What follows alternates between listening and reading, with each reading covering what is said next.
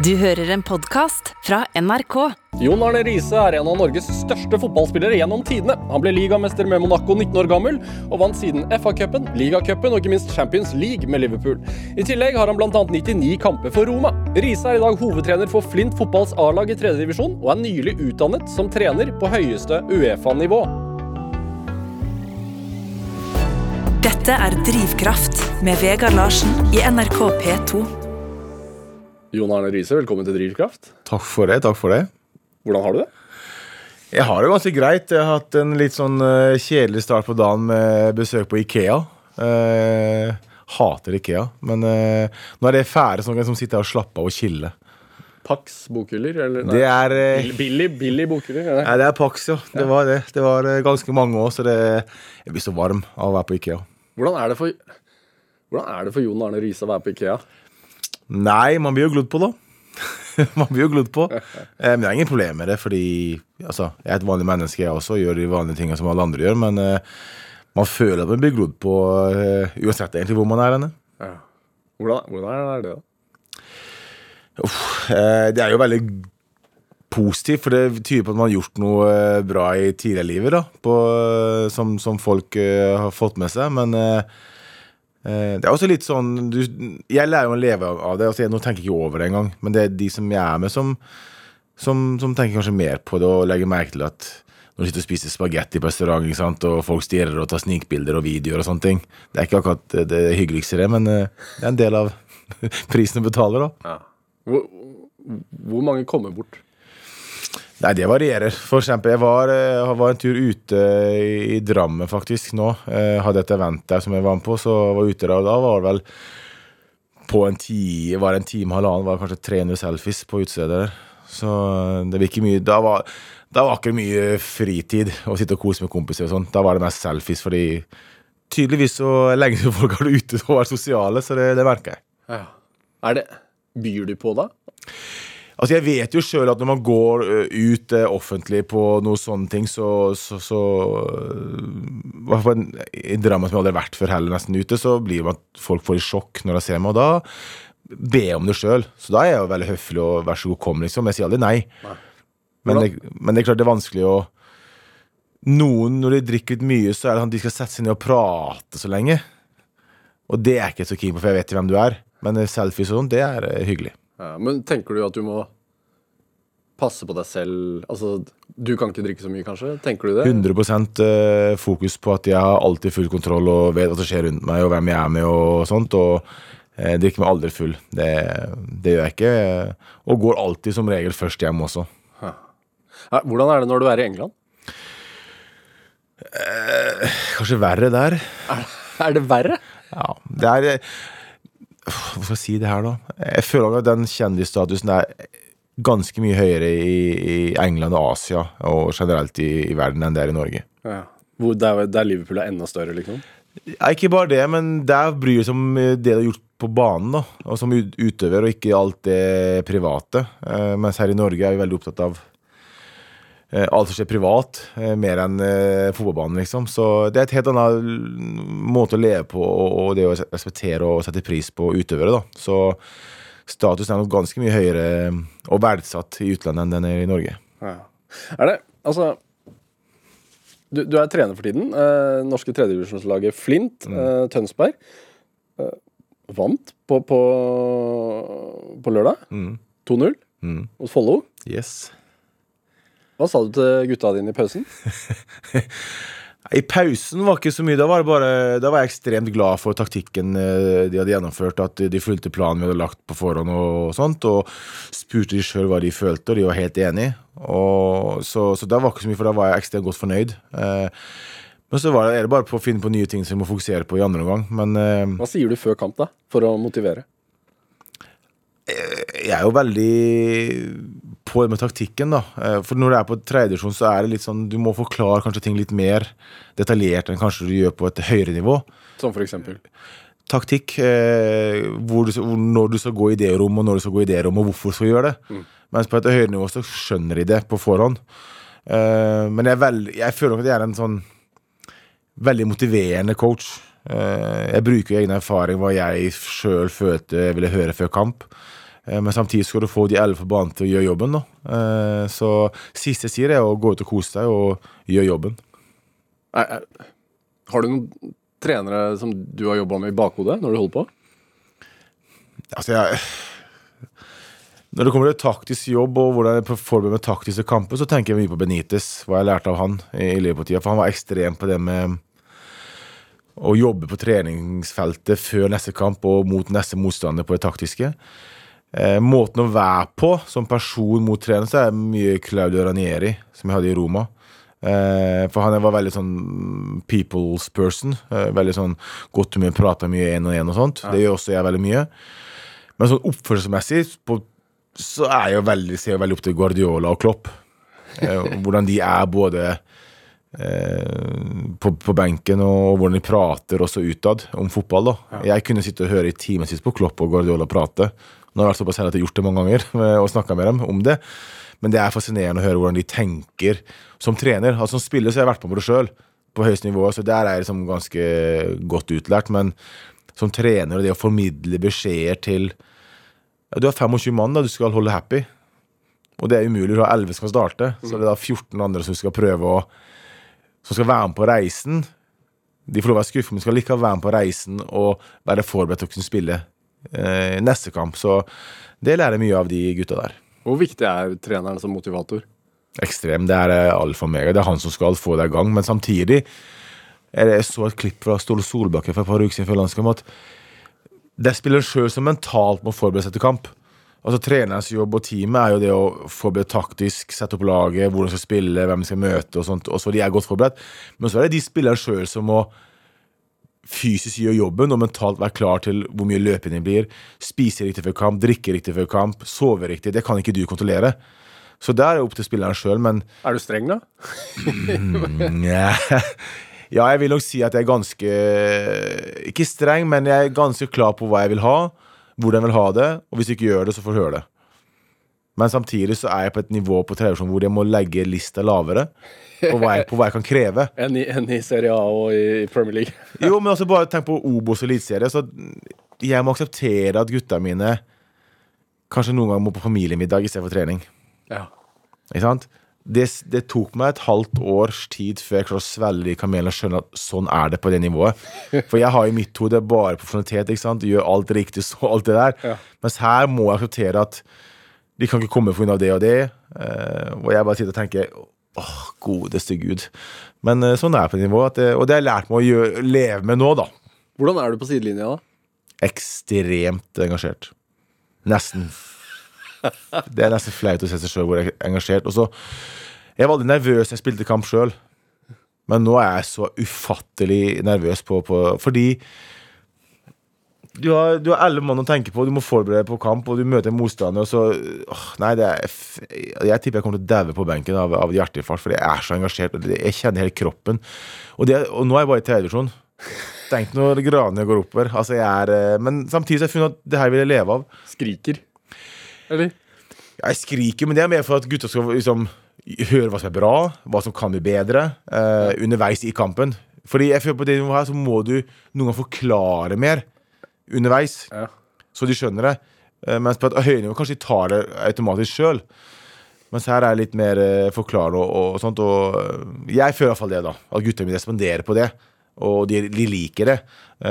Så jeg er ekstremt stolt av gutta mine. De har gjort en vanvittig jobb siste Jeg vil ikke halvannet år da uten å få lov å spille kamper. Så, så jeg er ufattig. Jeg har en gruppe som er fantastisk, og det, det gjør jobben min lettere. Men jeg har noen, jeg har noen harde krav. Har du noen Altså, du begynte jo som et ungt talent selv i, i lavere divisjoner, og så ser du Har du et ekstra øye for liksom unge talenter? Altså Jeg liker å, jeg liker å, å se at Uansett alder, egentlig. Bare at du, du tar steg. At du blir bedre. At vi trener over en viss periode. At jeg ser at du har blitt bedre på de punktene du kanskje var svake på, eller er blitt enda bedre på det du var god på. Og det spiller ingen rolle hvilken alder det er. Eh, bare sånn generelt se at individuelt tar de steg, men også som lag tar de steg. At de begynner å skjønne mer taktikken vi trener på og sånt. Men det er klart, ser jeg unge talenter, så har jeg et ekstra øye til dem. Hvordan jeg prater med dem. Fordi jeg kan se at for vi har en på laget som er, har et steg som er helt vanvittig. Men så er ikke han alltid på når det gjelder mentale. og vet ikke hvor god han egentlig kan bli, da er det sånn min jobb å Hva sier du til den da? Nei, jeg prøver å forklare han og, og vise videoer da, hvor, hvor, hvor god han er. Men når han først gjør det han skal gjøre, men så detter han litt bort av og til. Men det er jo fordi han er ung, ikke sant? så du må jobbe med det. Og det, de gutta tar jeg mer ansvar for, eh, fordi jeg har lyst til å eh, få ut det beste av dem og få til å forstå at du kan ta steg her til andre divisjoner. Ja. Altså, jeg tenker eh, Du er Jon Arne Riise, du har vunnet Champions League. Du har spilt var det, 121 kamper for landslaget. 110, men ja. 110, ja, sorry. Det. Vært kaptein til tider på landslaget. Eh, satt det langt inne å trene en tredjedivisjonsklubb? Nei. Fordi Altså, i hodet ditt tenker du ja, du, du er eh, fotballsmart nok til å trene høyere, men det er så mye mer som ligger bak det å være trener. Så jeg tenkte at Og jeg hadde jo ikke kurset heller, så jeg tenkte at nå er ikke det at kurset gjør at du er jævla god trener, det er ikke det jeg sier, men det er greit å ha på, på CV-en din. Men jeg ville begynne litt lavere ned for å få erfaring med det å jobbe med mennesker. Eh, det å sette sammen et lag, eh, en gruppe hvor du er mot gruppe, hvor du er individuelle samtaler, gruppesamtaler, eh, opp- og nedturer, hvor du takler det. da. Ja. Hvordan en klubb drives. Eh, for du har ansvar til sportslig utvalg, styre, eh, alt det der. Så jeg ville lære alt det på mine måter, og da tenkte jeg at når jeg fikk tilbud om tredje at perfekt sted å starte. Eh, For du, det er vanskelig å komme lenger ned enn det her, med tanke på at nå har vi hatt koronatiden tidligere. Du har, vært, du har testa på så mange områder, da. Eh, og jeg har lært ekstremt mye på det halvannet året der nå, så uh, Men det er klart jeg føler på meg at uh, jeg er klar for større oppgaver, selvfølgelig. Eh, både Veit de som ansetter deg det også? Ja. ja. Altså, Flint vet at målet mitt er at eh, nå neste kanskje Obos-liga, og så Eliteserien, og så utlandet. Det vet Flint også. Altså, De er ikke dumme, de, de skjønner jo at de har ambisjoner som trener. Men vi er på et prosjekt nå. eh, Vi driver og diskuterer en ny kontrakt nå. eh, Litt mer langsiktig kontrakt også. Om det skjer, det, og når det skjer, vet vi ikke. Men jeg tror de er happy med meg, og jeg er happy med den klubben jeg er i. Vi, vi tar store steg nå og, og prøver å gjøre klubben mer profesjonell. da. Mm. Etter, etter hvert halvannet år så er det noen ting jeg har lyst til å endre på, som de nå driver med. Det er litt sånn, Når man sier når man er i tredjedivisjon, så sier man at man har lyst til å trene i utlandet. Det er sånn hårete mål. Men, men du har satt deg hårete mål før, da. Jo, men altså, Og klart det. hva er vitsen med å drive med hvis du ikke har mål, da? Altså, Hva er vitsen med å liksom begynne å trene tradisjonen og tenke ja, ja, her trives jeg. Ja, jeg trives, men hvilken utfordring er det i livet? Altså eh, og når folk spør Ja, ja, målet mitt er eh, Obos-liga, Eliteserien, og så har jeg lyst til å trene Premier League. Det er drømmen. Om det skjer pff, Veldig få folk får lov å oppleve det. Men derfor satt meg sjøl et mål, så vet jeg inni hodet mitt og bakhodet jo hardere jeg jobber, jo større er sjansen for det. Men om jeg ikke lykkes, så lykkes jeg ikke, da. Men så lenge jeg vet at jeg har gjort alt jeg kan for å nå det, så kan jeg ikke gjøre mer. Og så plutselig når jeg sier det høyt også, utad, så er det enda mer press på meg. Og da jobber jeg enda hardere. Ja. Istedenfor at jeg sitter bare med bok hjemme og skriver målene mine, så er det ingen som ser det. Altså, Hvilken test er det, da? Det er bedre å liksom tørre å være litt stor i kjeften og sette seg hårete mål. Når de ikke, fair enough, det. Men så lenge jeg prøver. Har det vært en trend i ditt liv? Fra dag én. Å gi deg test, selv tester? Fra dag én. Fra jeg var tolv. Hvorfor det?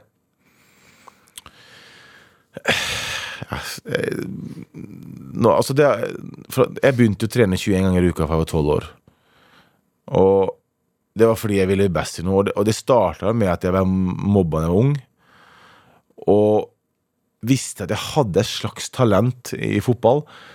Men jeg var, mer et, jeg var enda større treningstalent enn selve fotballtalentet sånn på den alderen. Jeg, jo, jeg var jo god, men øh, Og så tenkte jeg at jeg ville vise alle sammen at jeg kunne bli god i noe. Nå var ikke noe skolegeni, jeg var grei på skolen, men jeg var ikke noe geni. Det er altså liksom Jeg var god i sport.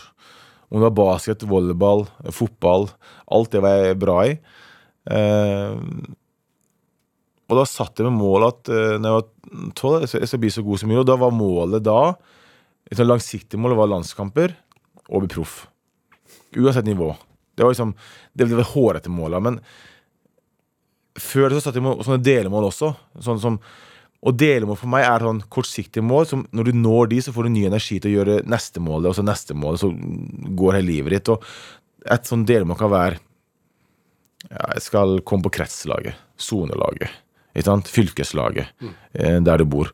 Og så, eh, og når du da og Jeg har nådd alle mine delmål, ikke sant? og mine store mål pluss, pluss. Men det var liksom noe jeg trengte å pushe meg, da. Og det å stå opp halv seks hver dag og løpe en time før skolen liksom, når du er 12-13 år, samme hvilket vær det var, jeg elska det. Altså, jeg elska å stå opp om morgenen og vite at ingen andre gjorde det samme. Nei. Og det var det som, det var det som slo meg at hvis jeg gjør det én til to ganger om dagen med løping Hvis du gjør det hver dag i ett år, da Det er 300-400-500-600 økter mer enn noen andre. Du elska det hver uke. Jeg elsker det. Jeg har aldri trent, og det, er- det når jeg driver foredrag, har jeg jeg sagt at hvis du noen gang vil trene, og du føler at du ikke har lyst, ikke gjør det. For allerede starta en negativ tankegang før treninga starta, da får ikke du noe ut av det. Så jeg har aldri, jeg har alltid, aldri trent og sagt åh, jeg gidder ikke. Jeg, jeg, sto, jeg våkna ofte før klokka jeg, om morgenen, for jeg, var- jeg, jeg gira på å trene. Om det regna, om det snødde, om det sludde, om det var sol, eller hva det var. På med klærne. Og så løp jeg, og så dusja jeg, og så var det Mamma hadde smurt 25 skiver til matpakke, for jeg skulle være borte hele dagen på trening, og så kom jeg hjem igjen på kvelden. Hva hvis du sto opp og var klar for å trene og ikke fikk trent? Da? Hva skjedde da? Og ikke fikk. Trent? Men det fikk jeg alltid. Jeg tenker i, i boka di, altså, kom, kom ut med en bok for fire år siden, så er, er det en sånn tøysekonkurranse mellom deg og Ole Gunnar Solskjær. Ja. Hva tenker du om at han nå trener i Manchester United? da? Forbilde. Er det det? Ja. Det er, det er, det er liksom det, Han viser jo vei. At det er mulig.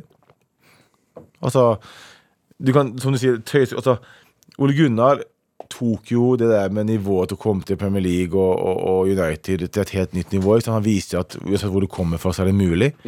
Eh, så blir det automatisk, når jeg da kommer til, til Liverpool, da, så blir det automatisk en Solskjær-Riise-duell. ikke sant? Pga. de to lagene, også på landslaget. Men vi har alltid hatt et godt forhold. Vi har uh, prata masse. Og han var jo trener for Cardiff når jeg spilte for Fulham også. Vi møttes der, så Men det er klart, ser man spiller United, så er det ikke sånn at jeg hater Solskjær. Eh, Men eh, sånn, sånn når det kommer til det med trening Han er liksom en du ser opp til og vite at han har vist vei, da. Altså, ja, det er et hårete, vanvittig, idiotisk mål jeg har til å jeg trene Premier League. Se på Ole Gunnar, da.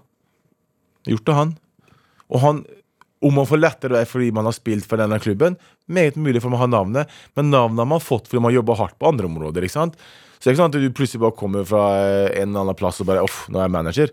Han har jo spilt fotball på toppnivå lang tid, og så tatt gradene. Eh, så eh, og det er der du har begynt nå? Det er der jeg har begynt nå. Jeg vet jo også at jeg har en mulighet med, med navnet mitt, at jeg kan få kanskje lettere innsyn i noen jobber. Uten tvil. Men det kommer av at jeg jobber hardt på andre områder.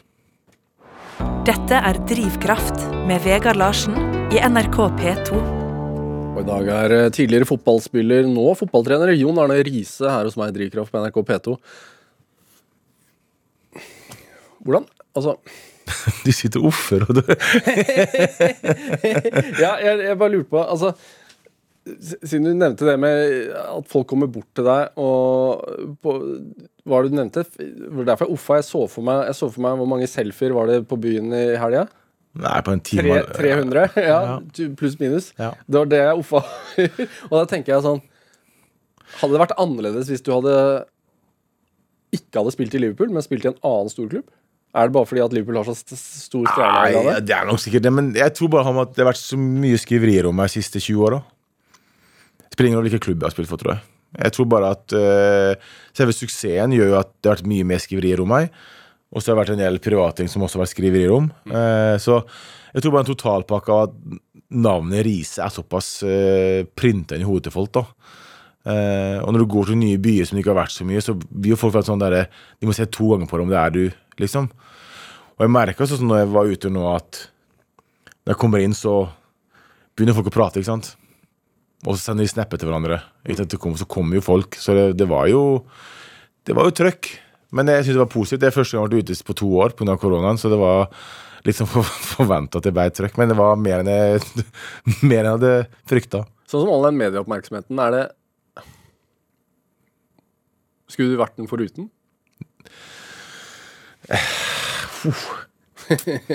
Altså, Jeg skulle gjerne vært foruten noen av tingene som har kommet frem.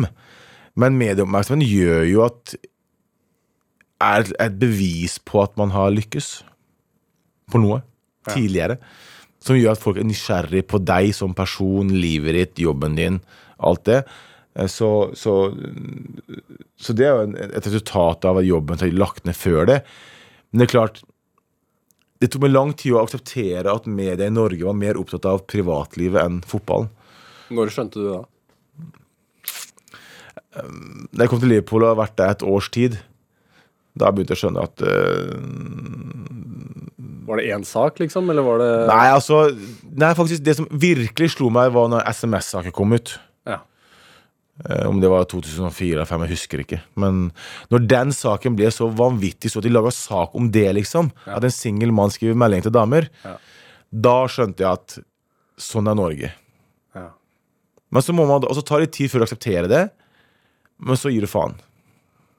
Fordi jeg lever mitt liv. Jeg vet eh, at eh, Litt som vi snakka om før at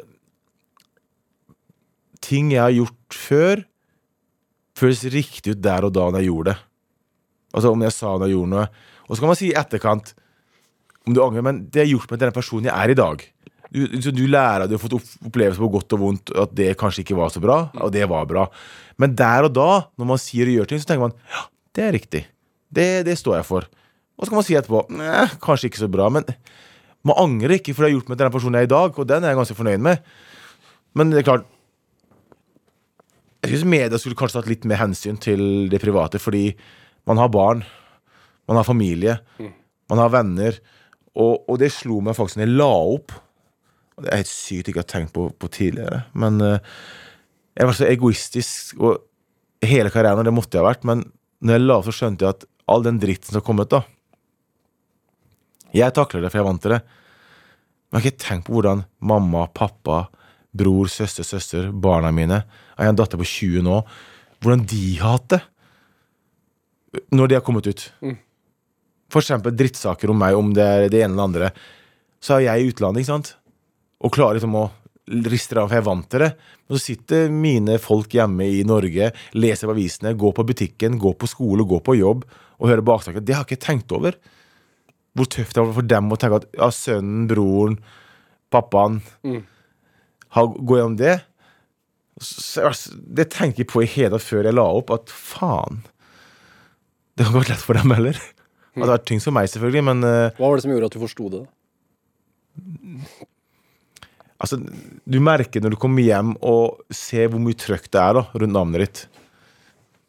Og, på, og hvor mye du blir sett på på gata og pratet til i butikker og sånne ting. Så skjønner du at det risnavnet er ganske et heftig diskusjonstema. Ofte. Og da vet jeg at mine nærmeste har jo jobb og skole, ikke sant? Så de, de, de, og folk kommer til dem, ikke sant. Og da blir jo de trykt ned. Eh, Har du snakket med dem om det?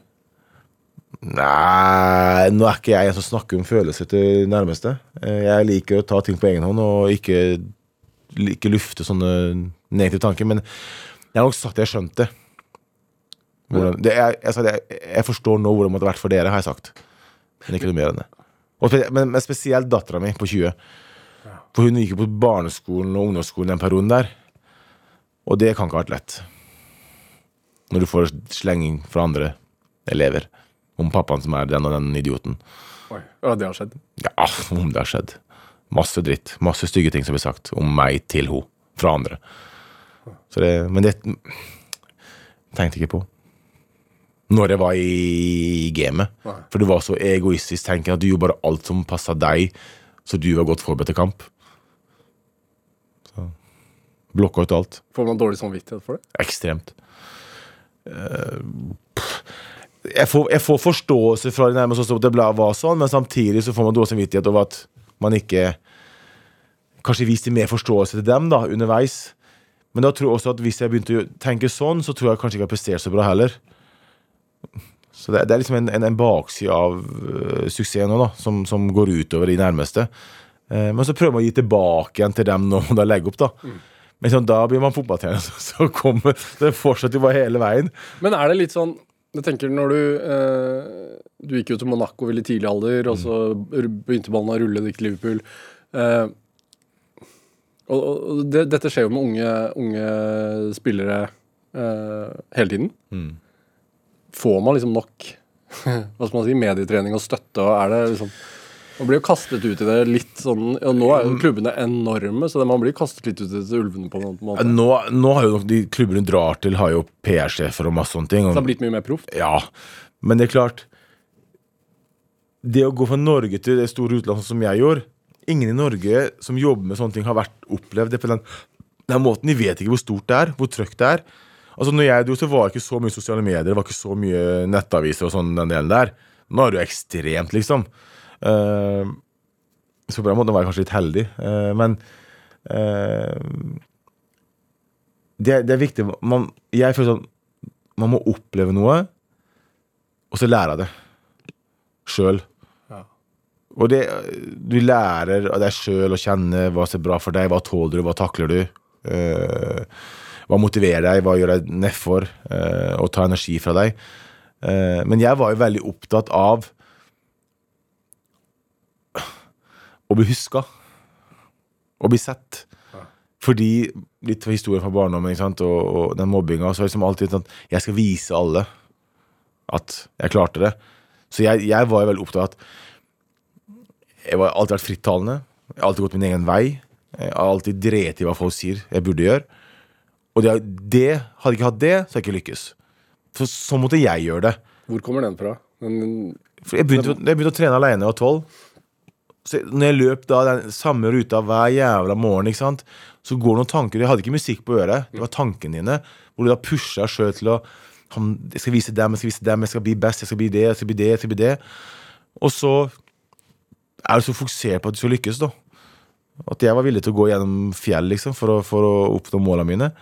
Men så sa jeg til meg selv ganske tidlig at når jeg legger opp som fotballspiller, skal jeg vite at jeg har gjort alt i min makt for å bli så god jeg kan. For jeg kan aldri bli noe Messi og Ronaldo. For ikke, det var ikke meg, men jeg kunne gjøre noe med hvor god jeg kunne bli med mine forutsetninger. Og det vil nok si at jeg klarte um, ganske greit. Ja, det er enig. Det er, få nordmenn, det må jeg faktisk eh, gi deg, Jon Arne Riise. Det er få nordmenn, eh, bortsett fra på privat eh, basis, som har gitt meg så mye glede her i livet som, som du er. Jeg er Liverpool-fan, så det holder. Det er litt sånn hyggelig å ha deg her, siden det er vår jubileumssending nummer 300 og sånne ting. Jeg husker veldig mange av målene du har skåret, f.eks. Mot, mot Manchester United, for å nevne noe. Men altså du nevner barndommen. Hvordan hvordan, hvordan vil du beskrive barndomshjemmet? Jeg hadde det vært, altså Mamma var fantastisk. Vi hadde en pappa som ikke var så mye til stede. Uh, Var det et hus? Rekkehus? det rekkehus, ja. Hvor, Eh, hvor, hvor, hvor lå Altså, vi, vi bodde først i eh, Selvfølgelig født på, på Sunndalsøra, da. Men så var det Holmestrand uh, fram til jeg var seks eller sju, og så var det Ålesund etter det. Uh. Eh, og mamma jobba og sto på, så vi hadde det veldig bra, eh, sånn sett. Eh, hun jobba to-tre jobber å stå på, men så var det liksom meg og bruderen, da, som er tre år yngre. Så kjør på en utallige fotballkamper og cuper og sånne ting, for vi begge var veldig interessert i fotball. Hva slags plass var Sunndalsøra? Det, det var jo der eh, familien er fra, da. Eh, For, for meg som ikke har vært der. det er en veldig liten plass. Det er ikke mye som skjer der. Så det er, men jeg ble født på Molde sykehus, for det er ikke sykehus på Sunndalsøra. Så det er vel en time, halvannen unna Ja. eh, fra Molde. Så eh, Altså, pappa var ikke så mye til stede, eh, så hun forlot han når vi var ganske unge, og så ble hun sammen med pappa, som jeg kaller nå, da. Som heter Riise. som heter Riise. Så Og jeg skal ikke legge på at jeg tenkte på Det er mye bedre å rise bakpå bak på en Semuset, som da mamma heter. Ja. Mens pappa, eller Ja, pappa som heter Riise, da. Jeg syns det var kulere å ha på drakta. Så man tenker sånn i ung alder. Er det du, du sa at du ble mobba. Hvordan Når starta det? Altså, det, det som var Poenget var at det å bli utelatt fra ting, da eh, For eksempel når du er på barneskolen, og du vet du er best i all idrett, men du blir valgt sist Til og med folk som hadde knokket beinet, ble valgt før meg, med, med krykker. Da skjønner du at det er ikke sånn det skal være. Men på den tida der så tenker du Følte Du- du at du, du, du ble liksom valgt ut? Ja, men når du er ung, så vet ikke du at det er mobbing. Du tenker ikke over på den måten at det er mobbing.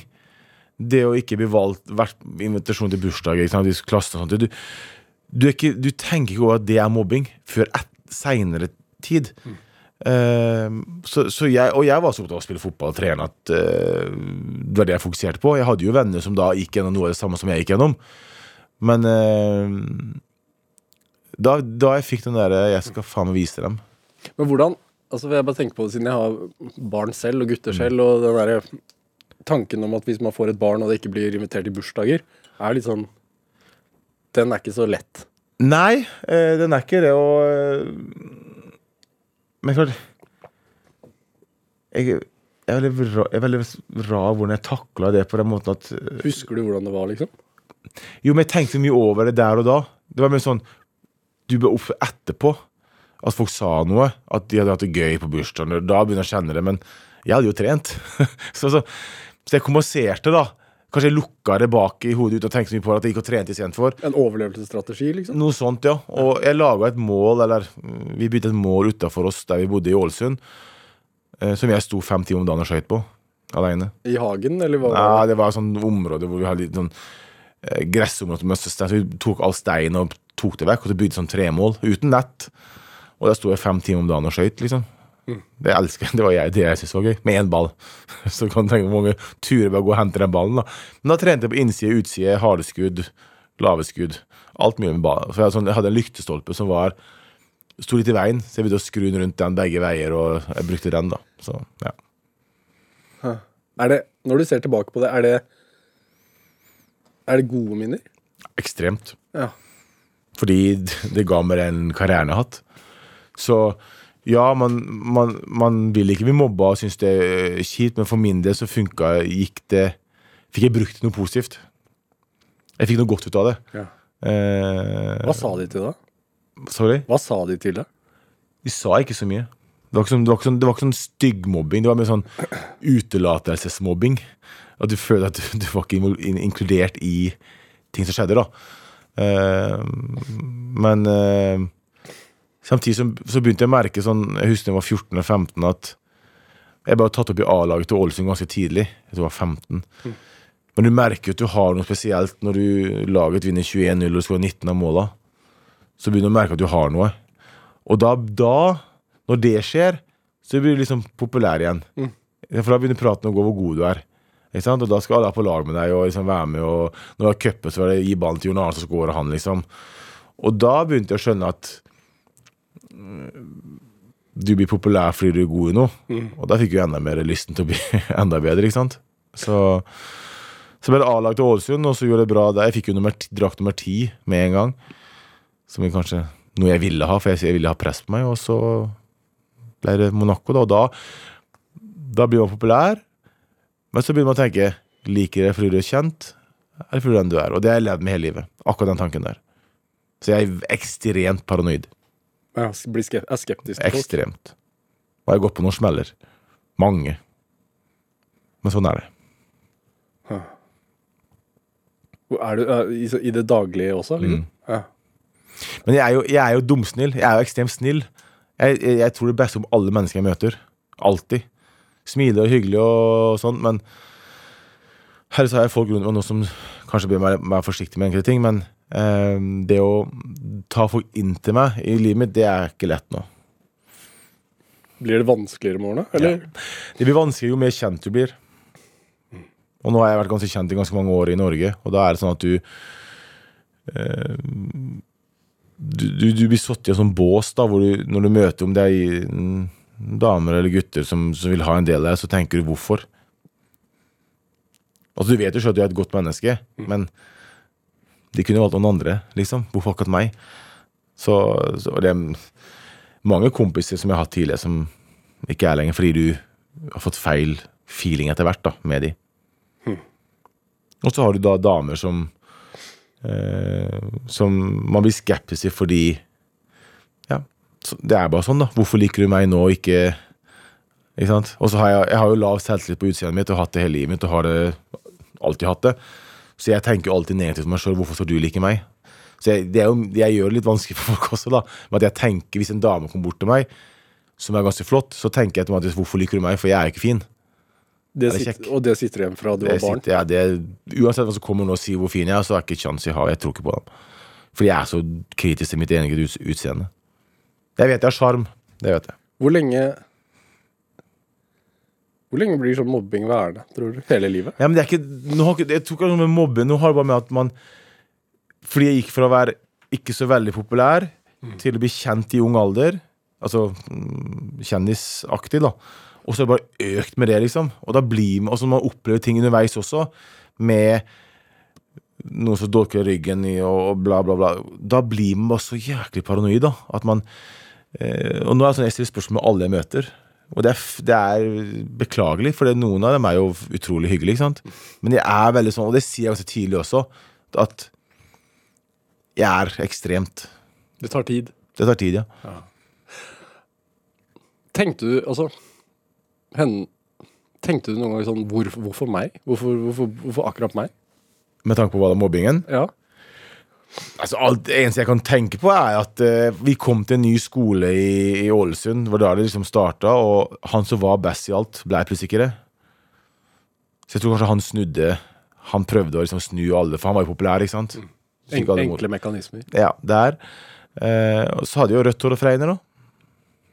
Det var jo, altså, på den tida der så var jo det, var jo det en ting å mobbe for også. Så jeg tror det var det sånne småting som det. Hvor mye motivator, altså motivasjon ble det? Alt. Betydde alt. Det er, det, det er den tingen som satte i gang hele greia. Hevn, liksom? nesten? Eller sånn jeg skal vise dem? Det var det, var den, det, var det som gjorde at uh, Det det jeg brukt hele ungdomstida og, i hodet mitt å trene så mye som jeg har gjort. Klart Når du blir proff, og sånn, så blir man jo begrenset hvor mye man får trene. Men fram til da så var jeg fritt til hva jeg ville. Og da Det var det som gjorde at jeg bare gambla og gønna på alt jeg hadde. Jeg hadde ingen plan B. Syns vi skal spille litt musikk, jeg, Jon Arne Riise. Ja, det, det var skikkelig. Jeg syns den passer, den låta du har med. Du har med Eye of the Tiger og Survivor, altså mest kjent kanskje gjennom Rocky. Rocky-filmen. Hvorfor den låten? Det er filmen og sangen i, i samme settingen som betyr noe. Eh, sangen selv er jo også det, men bare det å se det å trene alene, gå imot strømmen, kjempe alene mot et viktig mål, og så klare det. Ja. Det er liksom Jeg får frysninger å snakke om det nå, men det er liksom det som har gått gjennom hodet mitt hele ungdomstida når jeg har trent og, og sånne ting, at det var meg, liksom. Eh, så derfor er den sangen for meg betyr mye med tanke på Og filmen. eh, betyr mye for meg. Og Rocky, selvfølgelig. Og Rocky. Underdoggen Yes. Rocky, eller spilt av Sylvester Stallone, som, som ingen har tro på, Ja. men som kjemper seg opp og blir verdens beste Ja. bokser.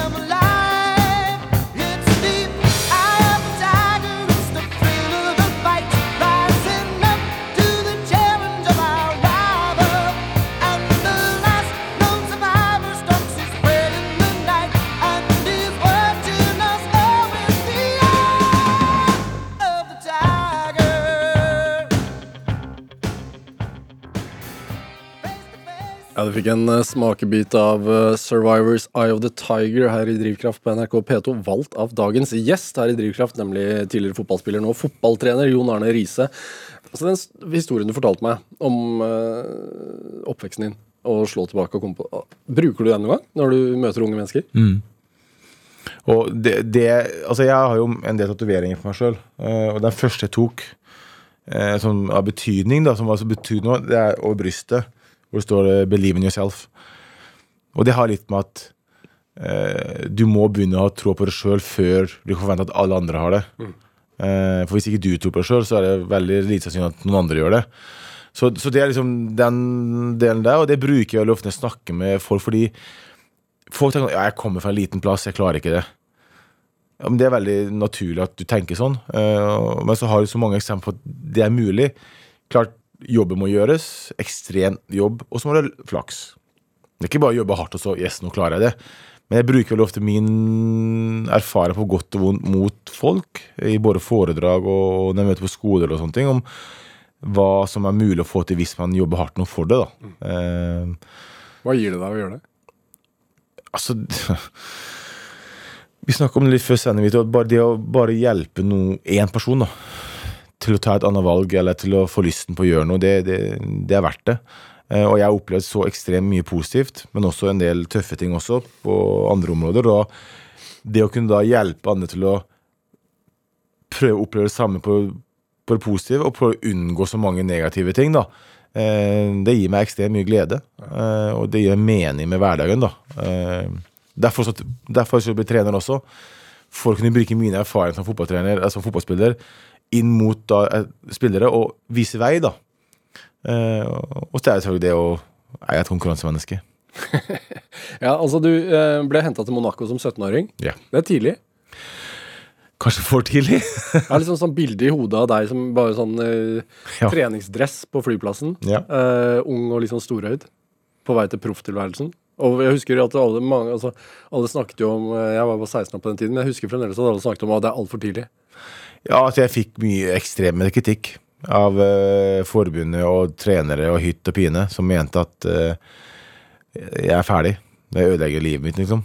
Eh, men syke meg, da. Jeg tenkte at det ga meg motivasjon til å motvise det.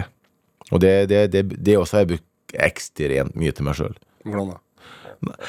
Når det kommer til Monaco, da. Nå har Frankrike vunnet VM den sommeren. ikke sant? Så møter Berthez, Trezeguet og som har blitt verdensmestere. Ja. Så kommer jeg som 17-åring. Altså Verdens største fotballspiller på den Ja. tiden var på treningsfeltet. Ja, Og så kommer jeg fra lille Hessa i Ålesund, liksom. Og skal yppe meg. Eh, så, så, så Hvordan er det? Altså, hvordan er det? Det, altså, jeg, jeg var såpass syk i hodet at eh, Jeg har alltid tenkt sånn Når du kommer på en, en ny arbeidsplass eller en ny klubb, eller hva det er, så skal du liksom Du må liksom bevise at du er god nok. At du er, har noe der å gjøre. Så når jeg kom til Monaco Det første jeg gjorde, at vi hadde løpetest på første dagen. Så vant jeg den. Og da var jeg 17 år. Jeg visste jeg var godt trent, men jeg, sa, jeg vet jo aldri hvor godt trent jeg er i forhold til verdensmestere. Ikke sant? Men jeg vant løpetest på første økta. Og da har jeg fått mer respekt. Vil, ren vilje? Ren vilje, ren lyst på å vise hva jeg er god for. Jeg er ikke der for å være turist, liksom. Jeg er der for å spille fotball, jeg. Men var det ikke sånn at du ikke turte å drikke vann? Jo. Jeg, jeg, jeg Vi hadde sånn der løpetesten, så jeg drakk ikke noe vann før jeg faktisk eh, fikk levert vann. Det lå, sto masse vann der. Og andre gikk og tok, men jeg turte ikke, for jeg visste ikke hva som var. Og, og så når du spurte om hvordan var det å flytte Altså, jeg kom til Monaco. Alle snakka fransk, ingen engelsk. Og jeg kunne ikke fransk. Så det, og så vi satt på et hotell i tre måneder før du får leilighet. Det å kommunisere var umulig. Du sitter i garderoben, jeg er veldig sånn sosial person og liker å kødde. Liksom. Jeg satt der i første to-tre måneder uten å kunne si noe, da.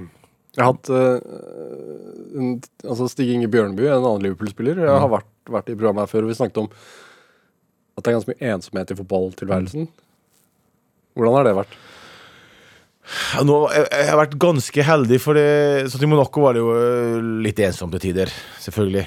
Fordi jeg var ung.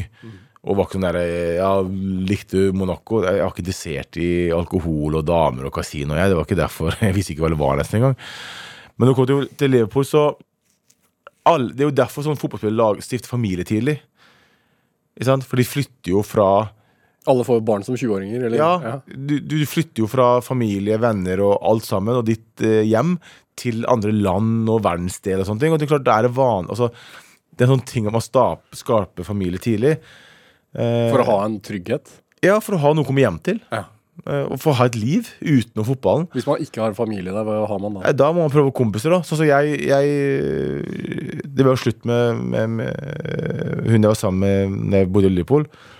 Eh, og da kom kompisen ned for å være her i to uker eh, etter eh, Nicola? Nicola, ja. Ja. Og han ble der jo fem-seks år, han. Til jeg flytta igjen.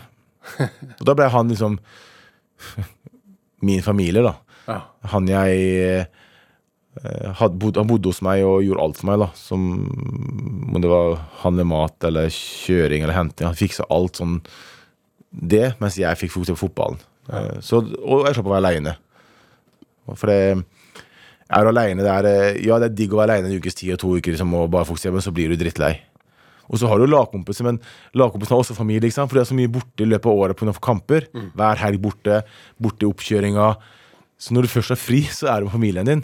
Så derfor er det greit å ha noen å, å komme hjem til. Hvordan er en sånn Hvordan er egentlig fotballprofftilværelsen?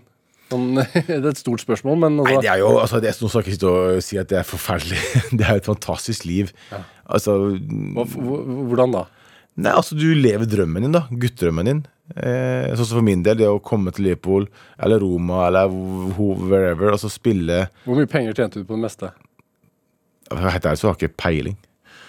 Penger har aldri vært noe drivkraft for meg. Det har ikke vært noe jeg har tenkt på. Jeg har aldri diskutert lønn med en ny klubb. Agenten har kommet dit, fått tilbud og sagt ja. For jeg, jeg har aldri brydd meg. Og jeg har gått på noen smeller. at Men fotball var for meg glede å bare vise at jeg var god nok og kose foran folk. Det å komme på stadion, da, 50 000-60 000, og vise hva du er god for, og gi fansen noe å glede seg over. Hva du- først, husker du første matchen din for Liverpool? på Anfield, eller? Ja. Ja. På Anfield var Westham hjemme. Starta du? Eller? Nei, jeg var Markus Babbel starta, men jeg ble syk. Da, så han måtte ut til pause. Ja. Så jeg kom med pause. Um, Hvordan var det?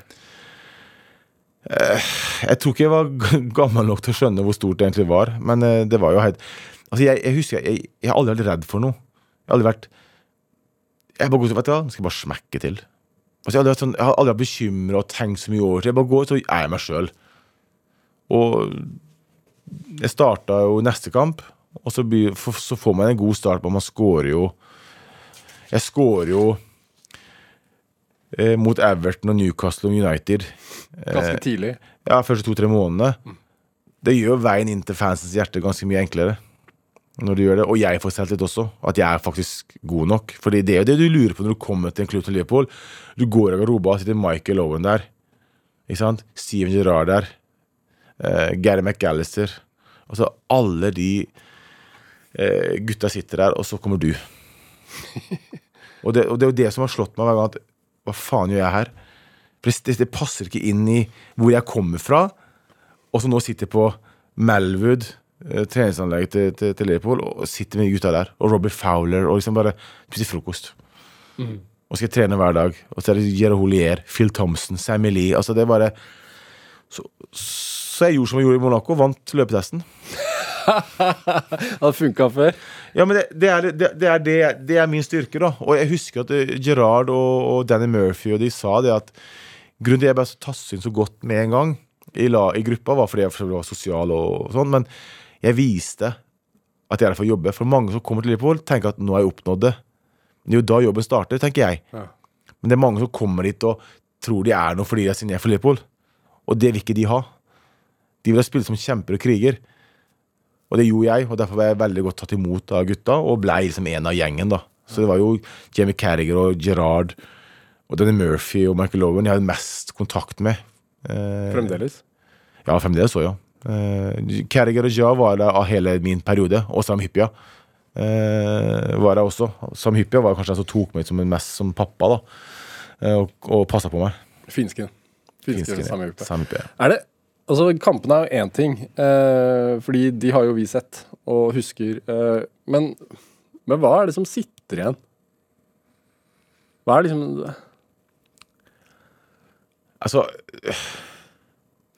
Det er ett bilde eh, for folk som liksom, ja, Hva husker og hva er liksom viktig for deg? Altså, det er ett bilde jeg har hjemme som, som egentlig beskriver hele fotballivet mitt. Og det er når jeg holder Champions League-trofeet. Og det, det at jeg holder det høyt opp mot våre fans i, i Istanbul der. For jeg husker at jeg sa til meg sjøl når jeg, For vi gikk rundt og feira med trofeet rundt med fans, og så fikk jeg det. Så holdt jeg opp, og så, da husker jeg jeg sa til meg sjøl I fucking did it. Og det var sånn Det øyeblikket sa til meg at hva faen som skjer nå, fremover, eller hva som har skjedd tidligere, spiller ingen rolle. For nå har jeg klart det. Det blir ikke større enn å vinne Champions League. Ingenting. Fikk du en ro da? da? Jeg fikk en sånn derre Jeg mista ikke motivasjonen til å trene hardt og fortsette det, men jeg fikk sånn derre Jeg tenker å jakte på det der ultimate gleden med at åh, yes! Den hadde jeg allerede. Nå kunne det bare spille på selvtilliten min og, og at jeg er god nok. Altså, det er ikke noe som blir større enn å stå der i verdens største klubb, kanskje, og vunne i verdens beste finale mot Milan. Altså Så det bildet har jeg hjemme, for jeg husker staten selv at uh, uansett hva som skjer fremover nå, de neste 10-20-15 10-20-30-40 åra, spiller ingen rolle. Fordi det her er Det er liksom det største man kan oppleve som fotballspiller. Du sier fremdeles til deg at du er god nok? Ja, uansett, altså som, ja, men jeg gjør som, som, som trener også nå. Jeg vet jo at jeg er uerfaren med tanke på å være trener, men spilleerfaringa mi, hva jeg har lært av andre manager, er det veldig få av som kan, kan matche. Men allikevel så må du gå i de gradene. Du må ta C-kurs, du må ta B-kurs, du må ta A-kurs, du må ta greiene der. Jeg forstår det på en måte, men samtidig så Det jeg har gått gjennom, kan ikke læres bort. Den fotballinnsikten jeg har fått, både taktisk som spiller, hva jeg har lært av manageren på toppnivå, er ikke noe du kan lære bak eh, en skjerm eller sitte i en klasserom. Så, så jeg føler som at det kompenserer ganske mye for de kursa, da. Men så er det mye jeg har lært av de kursa også med tanke på menneskekjenner og alt det der, selvfølgelig. Men jeg sier ofte når jeg er intervjuer og folk spør meg sånn, så om du har pro-kurs i trenerkurs, gjør jeg ikke til god trener. Om du har spilt, manne- om du har spilt fotball i 20 år på toppnivå, gjør heller ikke at du er en god trener. Men har en liten miks av de to der, så er du godt på vei. Så ikke kom og si til meg at ja, du må ha pro-kurs for å være en god trener. Glem det. Det, det betyr ikke betyr noen ting. Hva er det liksom, Hvis du ser tilbake på trenerne du har hatt Hva er det du husker altså var det noen som Hva husker du best? Hvem er det som har gjort mest inntrykk på deg? Ikke, nå mener jeg ikke sånn takk. tak taktisk. Nei, altså det blir man venner med dem. Eh, Jeg er jo en sånn person, da. Ja. Og jeg, jeg vil jo kalle meg sjøl som en trener. Var. Rafael Benitez en varm trener? Altså? Nei, var ganske beinhard. Men altså, Benitez kunne ringe meg på kvelden og snakke om taktikk, liksom. Til en kamp. For han lurte på noe. Så, men det er liksom den derre Jeg var jo Jeg vil jo kalle meg, hvis man kan si sånn, jeg var kanskje en treners drøm. Så med tanke på at jeg er alltid på trening, alltid 100% løp hver kamp. Opp og ned, opp og ned. Kjempa hele tida. Det var liksom det jeg hadde. Og det er noe alle trenere har lyst til å ha. Og jeg kunne godt ha dårlige kamper, jeg også, men jeg ga alltid 110% Så det, på den måten så var jeg veldig sånn godt likt av treneren, fordi jeg var veldig sosial, veldig morsom, eh, jobba hardt og alltid glimt i øyet. Eh, men det er klart, jeg- det, de som så Benitez selvfølgelig, for jeg vant Champions League og sånt. Det var jo helt sinnssykt kult, det, og jeg har kontakt med Benitez den dag i dag, liksom. Men eh, Jeg husker Holier. Jeg husker første gangen eh, jeg drakk alkohol på landslaget. Så jeg kom jeg hjem til Leopold, og da fikk jeg vite at eh, de har fått tips om at jeg drakk alkohol. Og da spurte Holier meg eh, om det om, eh, om, det, er om det er sånn livet som proff her, liksom, skal være. Det var jo selvfølgelig ikke det. Men eh, Han satt deg litt på plass. Ikke på plass, men altså, jeg var jo ung, ikke sant. Eh, så Hvor var det drakk alkohol? da? Det var på landslaget i Oslo. Ja, på samme Et, ja, på, etter en kamp. Ja. Eh, og det var fire dager til neste kamp. Det var ikke at jeg var full, det var ikke det, men, eh, men det er klart Det er da jeg begynte å skjønne at mitt navn begynner å bli ganske kjent. I Norge også. At folk liker å prate om, som jeg sa, Ja. ikke fotballting. Ja. Ikke sant? Når man har liksom en sånn målsetning som du har hatt eh, fra du var veldig ung, at du skal vise dem, og så eh, har du en lang karriere, og den er jo kjempesuksessrik, men en dag som fotballspiller så må man jo legge opp. Mm. Hvor, hvor tøft er det? Det er, det er litt eh, bra du spør om, for det, det har litt med hva programmet her heter. Jeg mista drivkraften. Ja. Rett og slett. Jeg var, jo, jeg var i Ålesund. Eh, var skikkelig klar for å komme tilbake der det starta. Eh, men så merka jeg på meg ganske tidlig at det trøkket som var rundt meg Altså, alt var min feil i Ålesund. Rises Ålesund, Rises, datt. Det kom jeg ikke hjem for. Samtidig så var jeg ikke den første Jeg var ikke i gymmet før trening. Jeg var ikke den siste som gikk for trening. Det som liksom kjennetegner meg og hele min karriere, var ikke der lenger. Og ja, jeg kan gå spilt i eh, Tippeligaen i mange år på det 70-80% sikkert, og bare liksom gjort det. Men da ødelegger jeg det jeg jobba i 20 år for. Uh, Så da sa jeg til meg selv at det er nesten bedre å bare legge opp. Uh, når man er liksom har det på topp og liksom har den reputationen man har, da. Uh, så jeg mista altså gutsen til å gidde å trene så mye som jeg ønska, og, og, og, og ikke minst trene mer enn alle andre. Den var borte, for jeg har alltid trent mer enn alle andre. Men nå, nå, nå mista jeg det, og da Og jeg sa jeg skulle spille fotball til langt over 40, men 36, så har det stopp i hodet. Men nå i Flint, da? Er gutsen tilbake da? Ja, men jeg, jeg får igjen det jeg mista som spiller, får jeg som trener. Det konkurranseinstinktet, det suget, det der å få meg til kamp og sånne ting. Jeg er med på trening av og til med Flint også, men det jeg har fått erstatta det med å være trener. Så når jeg ser fotball, når jeg ser landskamper nå, og eliteserien, så tenker jeg at det ikke alltid nivået er så jævla høyt eh, i norsk fotball. Men samtidig så vet jeg meg selv at jeg har ikke klart meg nå, uansett. Men jeg får igjen den kicket når jeg er trener. Eh, kanskje mer enn som spiller. Det er derfor du sier at du er, er gæren på sidelinjen. Ja, men jeg er ekstremt engasjert, og det er fordi jeg bryr meg om det jeg holder på med. ja. Jon Arne Riise, tusen takk for at du kom hit til Drivkraft. Takk for det. Hør eh, flere samtaler i Drivkraft eh, på NRK på eh, nrk.no, i NRK-appen, eller last oss ned som podkast. Send oss også gjerne ris og ros og tips til mennesker du mener har drivkraft. Send en e-posten til drivkraft, krøllalfa, nrk.no. Produsent og researcher i dag, det var Kjartan Aarsand. Nå får du straks siste nytt fra NRK Nyheter her i P2. Jeg heter Vegard Larsen. Vi høres. Du har hørt en podkast fra NRK. De nyeste episodene og alle radiokanalene hører du i appen NRK Radio.